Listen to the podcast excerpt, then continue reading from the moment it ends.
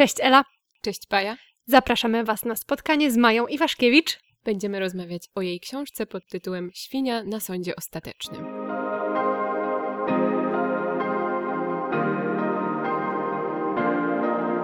Dziś w naszym odcinku mamy gościa, a właściwie gościnie. Jest z nami Maja Iwaszkiewicz. Cześć Maja. Cześć Ela, cześć Paja. Bardzo nam miło, że przyjęłaś zaproszenie do naszego podcastu. Mi jest bardzo miło, że mnie zaprosiłyście. Niedawno ukazała się książka Mai. Maja jest e, z wykształcenia historyczką sztuki i mediewistką i właśnie o okresie średniowiecza, o zwierzętach w średniowieczu chce nam opowiedzieć w swojej książce. Która jest swoją drogą bardzo ciekawa, pięknie wydana, prze, wspaniale napisana. Bardzo miło spędziłyśmy czas e, czytając ją i teraz chciałybyśmy, żeby Maja opowiedziała nam coś więcej o swojej pracy i o swojej książce. Oczywiście nie wszystko, bo w tej książce jest bardzo wiele fajnych smaczków, więc poruszymy tylko kilka tematów, które nas osobiście najbardziej interesują, a resztę zostawimy Wam do przeczytania w jej książce. Ja chciałam jeszcze powiedzieć jedną rzecz, zwrócić uwagę na to, co Maja o sobie powiedziała, e, kiedy poprosiłyśmy, żeby nam się trochę przedstawiła, żebyśmy mogły przedstawić ją Wam. Maja powiedziała, że jest psychofanką średniowiecza. Tutaj na okładce książki jest dyplomatycznie ujęte e, zakochana w średniowieczu, więc możecie sobie wybrać, która wersja bardziej Wam pasuje. I myślę, że to bardzo widać w tym tekście, e, że jesteś zakochana Maju w tym okresie i e, że chcesz tę miłość przekazać wszystkim czytelnikom i wszystkim czytelniczkom. Ale stąd moje pytanie i nasze pytanie właściwie, dlaczego zwierzęta, mając ogromny wybór tematów, dlaczego zdecydowałaś się akurat na pisanie o zwierzętach i na przybliżenie nam tego wycinka średniowiecza? Szczerze mówiąc, zwierzęta to był drugi temat, którym się zajęłam, bo e, podczas studiów licencjackich badałam twarze. Twarze na kościołach i takie te różne schowane przy oknach i przy drzwiach z dziwnymi grymasami i dziwnymi minami i tak dalej.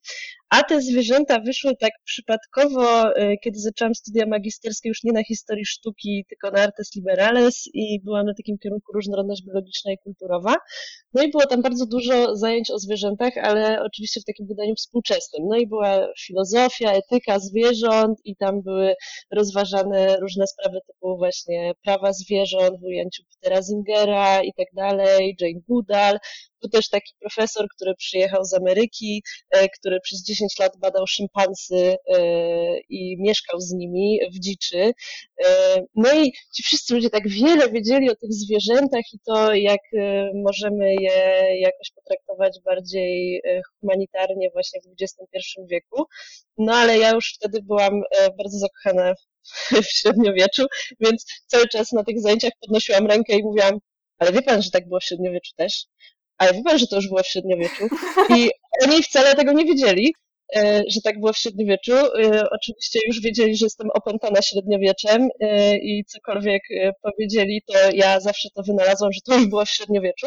No i tak się zaczęło i wtedy pomyślałam, że napiszę o tym pracę magisterską i im potem więcej tych badań przeprowadziłam, tym więcej ciekawych rzeczy, wydaje mi się, znalazłam i tym bardziej chciałam się nimi podzielić, szczególnie, że no, zwierzęta to jest teraz taki temat w zasadzie popularny i lubiany, szczególnie też w ujęciu takim klimatycznym i z zagrożeniem zwierząt, więc to wszystko jakby miałam na uwadze. Tak, to bardzo ciekawe, co mówisz e, o tym, e, że mówisz, że, to, że wiesz, że to już było w średniowieczu, ale tak już było w średniowieczu. Dla nas, gdy my czytałyśmy tę książkę, musiałyśmy no, dokonać takiej, takiej gimnastyki umysłowej, żyjąc w XXI wieku, mając dostęp do e, najróżniejszych reprodukcji, filmów, zdjęć i tak dalej. Trudno nam jest wyobrazić sobie ludzi, którzy nie mają dostępu do takiej wiedzy, do, do, do, do, do tego, jak, jak ograniczone były możliwości poznawcze w, w średniowieczu, o czym piszesz, jak wtedy tworzono, jak wtedy pisano książki o zwierzętach i tak dalej, i tak dalej. No i my postanowiłyśmy, słuchaj, wyobrazić sobie, jak to jest kiedy nie wiesz i kiedy za, e, za, za jaką jedyną wskazówkę masz e, opis kogoś, ale nie masz dostępu do tego, jak to zwierzę wygląda, bo ono jest jakieś z dalekich krajów, fantastyczne, powiedzmy i tak dalej. Czekaj, słuchaj, coś ci pokażemy teraz.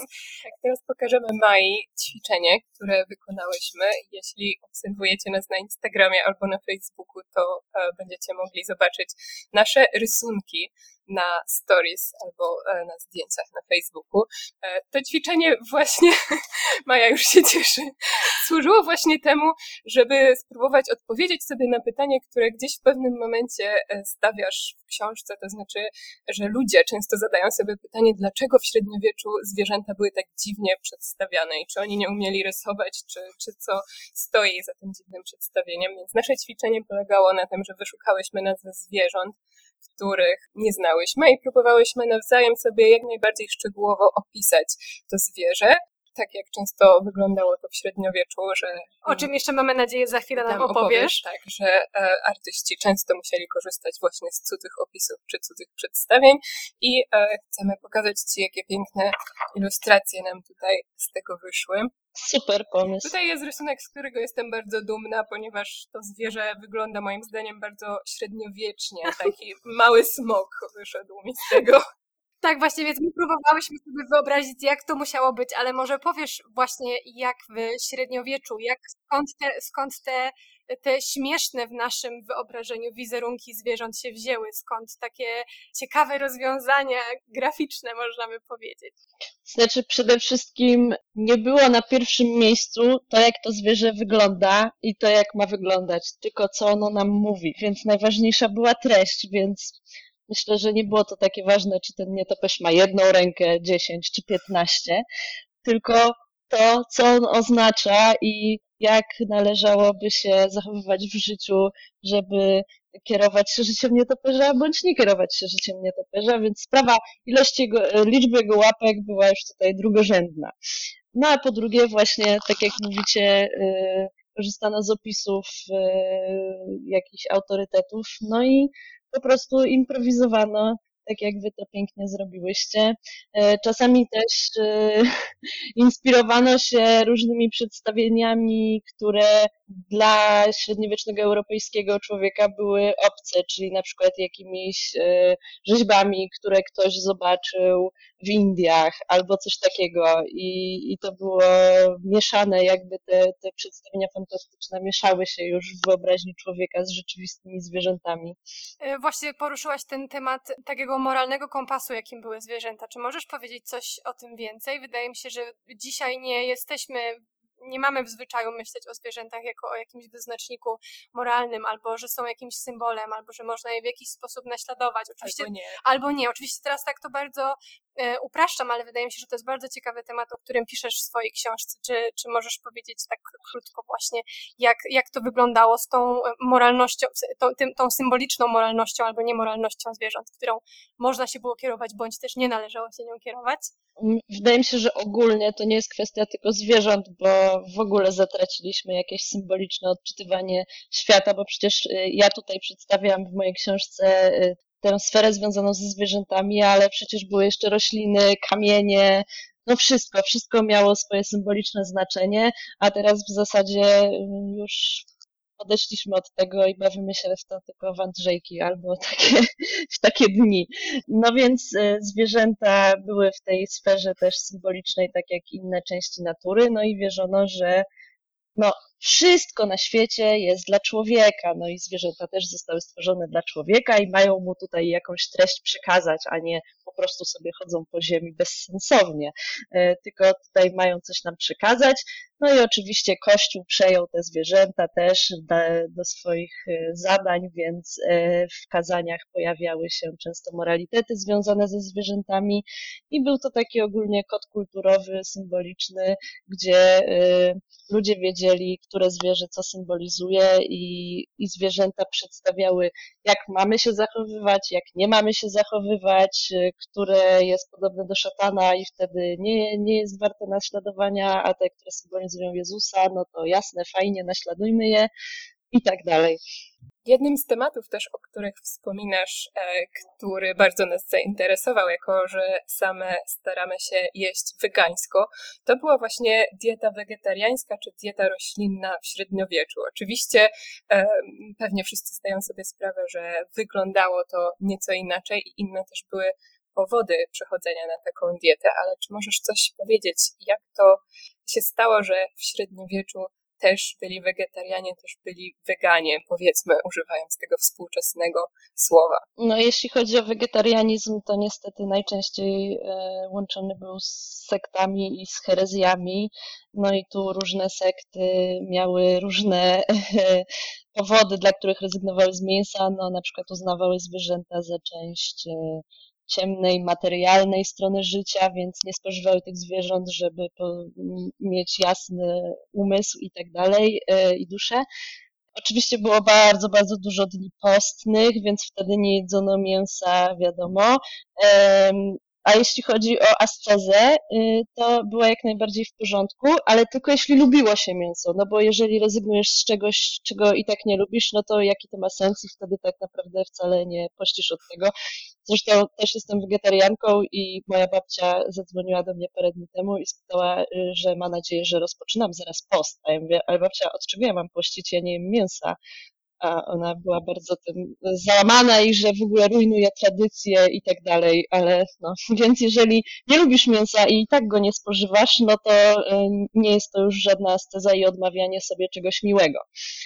E, więc e, jak księża na przykład właśnie nie jedli mięsa, no to było to uznawane za w porządku, tylko jeżeli tak naprawdę lubili to mięso i cały czas za nim tęsknili.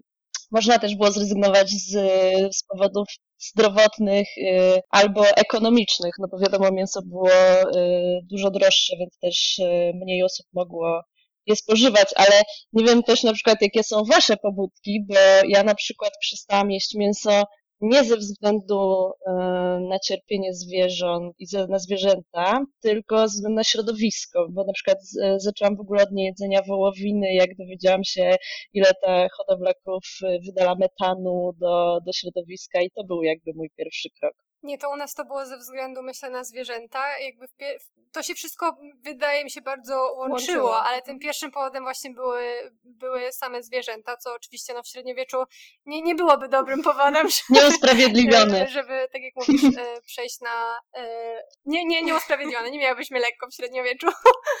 Ale w ogóle tak rozmawiałyśmy. Grzech, to grzech porównywałyśmy powody, które były akceptowane w średniowieczu z tymi, które są akceptowane dzisiaj, że też e, częściej zyskuje się takie zrozumienie e, niejedzenia mięsa, kiedy na przykład troszczymy się o swoje zdrowie i kiedy znowu stawiamy poniekąd człowieka na, na pierwszym miejscu, a nie zwierzę. Tak samo w, w średniowieczu wydawało nam się to dosyć podobne, że trzeba było mieć powód inny niż samo to zwierzę, czyli właśnie Bóg, czy tam dążenie do jakiegoś e, własnego, własnej ascezy i, i własnego zbawienia. Także tutaj też ciekawe korelacje. No zresztą te sekty też nie myślały o zwierzętach, prawda, bo uznawali je po prostu za zwierzęta nieczyste, więc też sami nie chcieli ich spożywać, bo nie chcieli się zanieczyścić, więc nie było to brane pod uwagę jakby dobro zwierząt.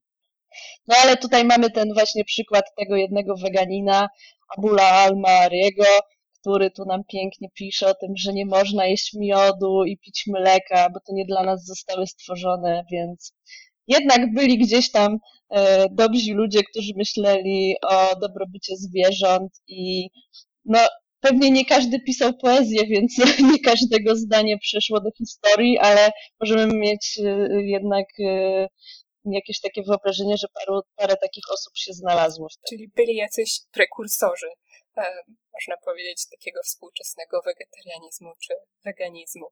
A skoro o prekursorach mowa, Czyli jak zwykle ja podnoszę rękę i krzyczę, wiecie, że to już było w średniowieczu? Otóż to. Tak, tak, właśnie skoro mowa o prekursorach, ja właśnie mogę powiedzieć jedno słowo, Albert Wielki. Są dwa słowa. Dwa słowa.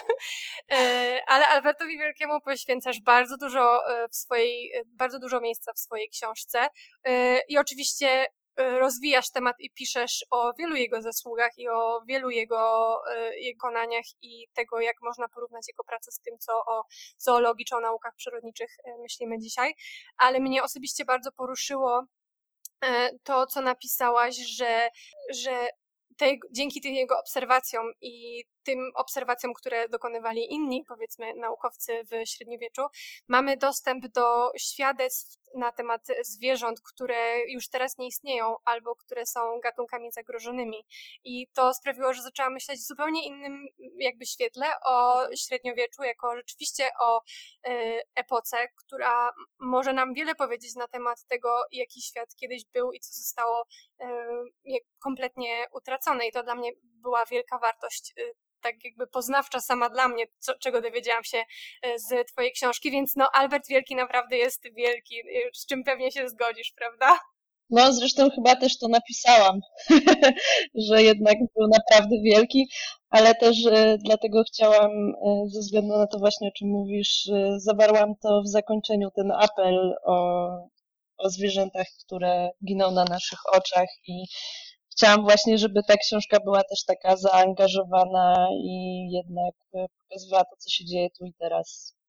To ja na koniec chciałam jeszcze z Tobą porozmawiać o, o ostatnim z zagadnień, które wybrałyśmy na dzisiaj, które zresztą zawarłaś na końcu swojej książki jako taką wisienkę na torcie, e, bo piszesz, że to jest coś, o czym mało kto wie i myślę, że to jest bardzo fascynująca sprawa. E, nie będziemy pewnie tutaj zdradzać wszystkich szczegółów, żebyście mieli też i miały motywację do e, sięgnięcia po fascynującą książkę Mai, ale już zaczniemy Wam trochę zdradzać, co jest w tym ostatnim rozdziale, a mianowicie piszesz tam, Maju, o e, procesach sądowych zwierząt i o tym, że zwierzęta często w sądzie musiały stawiać i odpowiadać przed prawem.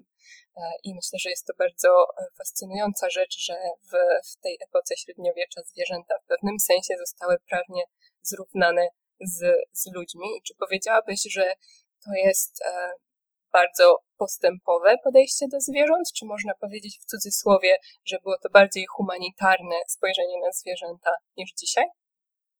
No, ja tak oczywiście uważam i jakby jest to tutaj kolejny argument y, w, moim, w mojej walce o pokazanie, że byliśmy bliżej świata zwierząt niż dzisiaj.